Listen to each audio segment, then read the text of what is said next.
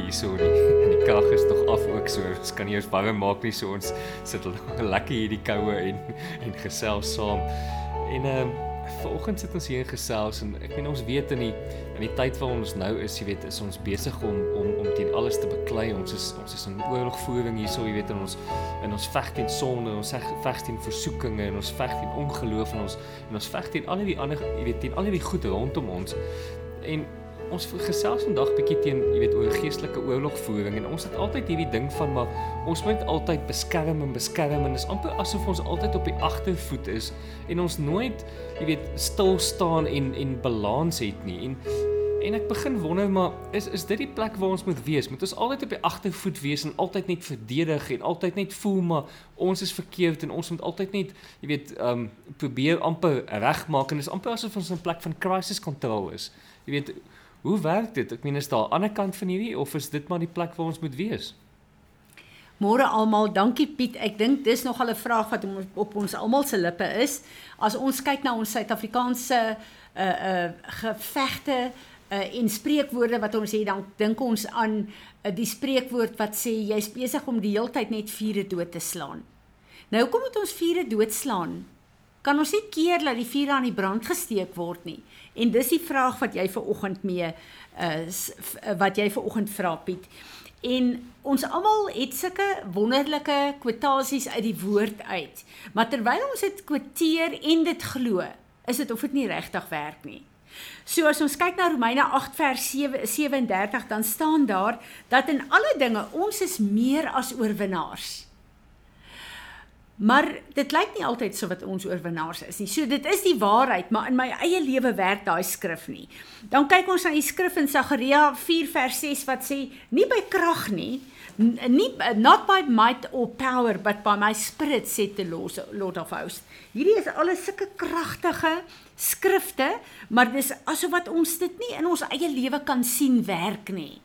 En ek het Sondag gesê, uh, baie van ons is op 'n plek waar ons uh die die staan en dan lyk dit asof wat jy so 4 5 tree grondgebied wen, bietjie vorentoe gaan, maar dan gly jy weer so 3 terug. En dan moet jy nou weer spoed opmaak en jy moet weer so dis die heeltyd asof wat jy nie vooruit kan kom nie. Jy bly terug gly. En dan is daar 'n plek wat ons die woord kwoteer en ons weet die woord is die waarheid, maar ehm um, Hoe werk hierdie goed regtig? Nou, as ons kyk na wanneer ons in 'n geveg is, as ek en jy in 'n geveg is, dan ken ons die woord, ons weet hoe om die woord te gebruik, ons weet hoe om oorlogvoering te doen. Maar hoekom moet ons altyd wag totdat ons aanvalle kry, totdat daar storms kry? Is daar dan nie 'n plek waar ons ons kan posisioneer in die volheid van die woord van die Here nie? As ons kyk na die wapenrusting wat God vir ons gegee het, dan kom die woord uh, Paulus skryf vir die boek van die kerk in uh, Efesiërs ehm um, uh ons het die helm van verlossing, ons het die skild van geloof, ons het die beld van die waarheid, ons het die swaard van die woord, ons het die skoene, ons het al hierdie stukke om ons te beskerm wanneer redenasies kom, wanneer daar uh, versoekinge kom, uh, wanneer iemand teen ons kom met woorde of eh, 'n uh, skinder oor ons of en ons moet opstaan dat ons al hierdie hele wapenrusting en elke een van die wapenrusting is 'n gedeelte wat effektief is uh afhangende van die aanval wat ek en jy kry. So ek en jy het hierdie wapenrusting, maar dan sê hy ook daar as ons na hierdie wapenrusting kyk en die wapenrusting wat eintlik 'n leefwyse is, is in posisie in my lewe. Dan sê hy bly staan want jy's dan op 'n plek van oorwinning. Nou hoe staan ek en jy? Ek het 'n paar goed Piet wat ek in my lewe doen waar ek in die oggende wanneer ek opstaan letterlik grenslyne trek vir die vyand. Om vir hom te sê hierdie is my grondgebied ek staan in oorwinning hier. Maar rondom my sê die woord van die Here en dan quoteer ek die woord ook Sagaria 2 vers 5 dink ek is dit waar die woord van die Here sê hy is 'n muur van vuur rondom my dan sal ek kom en sê, Vader, dankie dat ek in hierdie dag u woord kan kom verklaar wat sê dat u is 'n muur van vuur rondom my. Dankie dat u sê in Jesaja dat uh, u sit 'n heining van beskerming rondom my. U het in Job 1 vir die vyand gesê, die vyand het vir God gesê, u het 'n heining van beskerming rondom Job en die vyand kon hom nie aanval nie voordat God nie gesê het ek sal daai beskerming, daai heining oopmaak nie. So ek en jy het 'n plek waar ons moet kyk dat ons grondgebied veilig is onder beheer is van die Here. En dan kan die vyand nie inkom met sy planne nie. So om hierdie skrifte te neem en te sê, Here, ek het u wapenrusting wat 'n 'n 'n 'n nie iets is wat ek net aantrek in die gees en dit, maar dis 'n leefwyse. So my gedagtes neem ek gevangene en ek maak dit in 'n uh, uh, ek maak dit in lyn met u woord en u opinies. Daarom is die helm op my kop. Die skild van geloof sê dat ek word beskerm deur u uh en deur u woord. Dis my skuld wat in plek is. Die beld van waarheid is u woord. Elke leuen in my lewe word gekonfronteer deur die waarheid waar kan repent en waar kan u waarheid kan wandel. Die swaard, ek het die swaard om u woord uit te stuur soos en wanneer u my lei. So die wapenrusting is op plek. Ek vra u om my grondgebied uh af te seël met 'n muur van vuur volgens Sagaria 2 vers 5. Ek vra u om die heining wat u sê u rondom my en my gesin en my besittings het, dat u daai heining op plek het dat geen onheil naby my en my gesin kan kom in hierdie dag nie.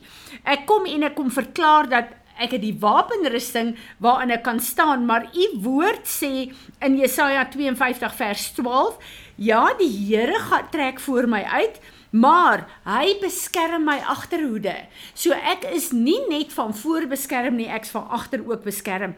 Net soos Jesaja 58 verse 8 en 9 wat sê dat die Here beskerm my van agter af. So niks wat ek sien wat my kom aanval gaan enige effek hê nie want ek is beskerm en goed wat agter my rug gebeur wat ek nie kan sien nie. Die Here sê hy sien dit raak. So dit is in plek. En ek voel dat as ek en jy ons grondgebied elke dag kom plaas onder die heerskappy van die Here. En dan kom die Here 'n belangrike gedeelte vir my in die woord van die Here is waar die Here vir Moses gesê het: "Sê vir Aaron, so seën jy my mense." En daarmee plaas hy die verbondsname van my God oor my. So om elke dag daai seën van die Here te sê, Here, dankie dat u aangesig in hierdie dag oor my en my gesin skyn. Dankie dat u vrede deel is van my. So die oomblik as ek dit doen, dan kan die uh onstuimigheid nie storms van die vyand nie inkom in my grondgebied nie. Dankie dat U my voetstappe rig want as U my voetstappe rig, dan gaan ek nie in lyn uittrek 'n uh, trap wat my 'n teken maak vir die vyand om my aan te val nie. En dan 'n baie belangrike uh uh, uh, uh oorlogs 'n wapen wat ek daagliks so ver dit in my vermoë is toepas is om die verbondstekens te neem en die brood te breek en die druiwesap te drink dit op te lig want elke principality en power wat vir my kyk sien dan ek verklaar ek is in 'n verbond met die lewende God en die verbondsteken sê in die gees en in die fisiese dat Die oorwinning van Christus is my oorwinning. Die wapens van my God is my wapens. Die volle weermag van die Here is tot my beskikking in die gevegte wat ek nodig het om te veg. So hierdie verbondsteken sê dat maak nie saak watter plan die vyand teen my optrek nie. Dis reeds oorwin op Golgotha, maar ek weet dit. En die oomblik as ek dit weet en dit verklaar, dan moet elke knie buig en elke tong bely dat Jesus Christus my Heer en my meester is. So vir my is dit baie belangrik Piet dat ons dit daagliks sal doen en dan 'n uh, laaste teken wat ek gebruik is die salwingolie en ek het al daaroor gepraat hoe Dawid en Ester ons voorgeslagte hulle self daagliks gesalf het want die salwing van die Here is Jesus Christus, sy woord en sy salwing. En om daai olie te neem en te sê Here, ek salf myself in hierdie dag. En u woord sê die salwing loop van die hoof af af tot op die soem van die kleed wat my gesin insluit, wat die hele huis van Peres insluit. Ek sit ook die skool en ook die kinderhuis waarby ons betrokke is, plaas ek daarin. En dan vir die Here te sê, dankie dat u woord sê elke juk wat die vyand beplan om op hierdie dag op my te sit, u breek dit en dit is my teken. So ek het hierdie fisiese tekens en dan het ek hierdie profetiese uitspeel van elke aksie en elke wapen wat God vir my het. En ek weet, die oomblik as ek dit gedoen het, is my grenslyne absoluut in die gees opgestel en die woord van die Here sê geen onheil kan naby my en my tent kom nie. So die vyand kan nie oor die bloed van Jesus, die vuur van God, die salwing van die Here kom om by my uit te kom nie. Ek hoop dit maak vir jou sin en dan wil ek vir jou vra Piet om vir ons te bid dat ons elkeen weer bekragtig sal word in hierdie eenvoudige profetiese aksies en die woord van God om ons veilig te hou teen die werk van die vyand. Vader, dankie dat U met ons bly gesels. Dankie dat ons hier kan sit en in U woord kan beredeneer en dit kan lees en dat ons daaroor kan praat en dat ons meer van U woord kan leer. Here, ek wil vir U vra om om hierdie beginsels vandag oop te breek. Dat dit vars manne in ons sal wees. Jy weet dit dat ons hierdie revelation sal begin verstaan. Jy weet dit 'n openbaring in ons lewens sal word dat ons dit stukkie vir stukkie elke dag sou uitleef, Here. Jy weet dit ons dit nie sal oorslaan nie, weet dit ons nie op 'n punt sal kom waar ons sal dink maar wat in die lewe het nou met my gebeur? Wat wat gaan om my aan? Jy weet dit is amper in 'n plek van van chaos uitkom en ons voel dat ons dat ons nêrens is nie. Jy weet dit ons nie op baie plek sou uitkom nie. Jy wil vir u vra om ons terug te bring. Te bring ons terug by die eenvoudige beginsels, by die eenvoud van hoe om u woord toe te pas in ons lewens. Here dat U ons sal help om dit elke dag te doen. Here dat dit nie 'n afgesaagde ritueel sal word nie, maar dat elke dag 'n vas stukkie manne in ons in ons binneste sal wees. Here dat U ons sal voed.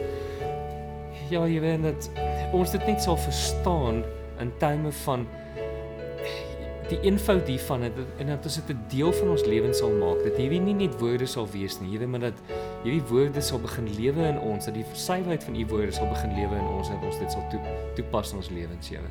Asseblief help ons om hierdie beginsels toe te pas in ons eie lewens. Dankie, Here.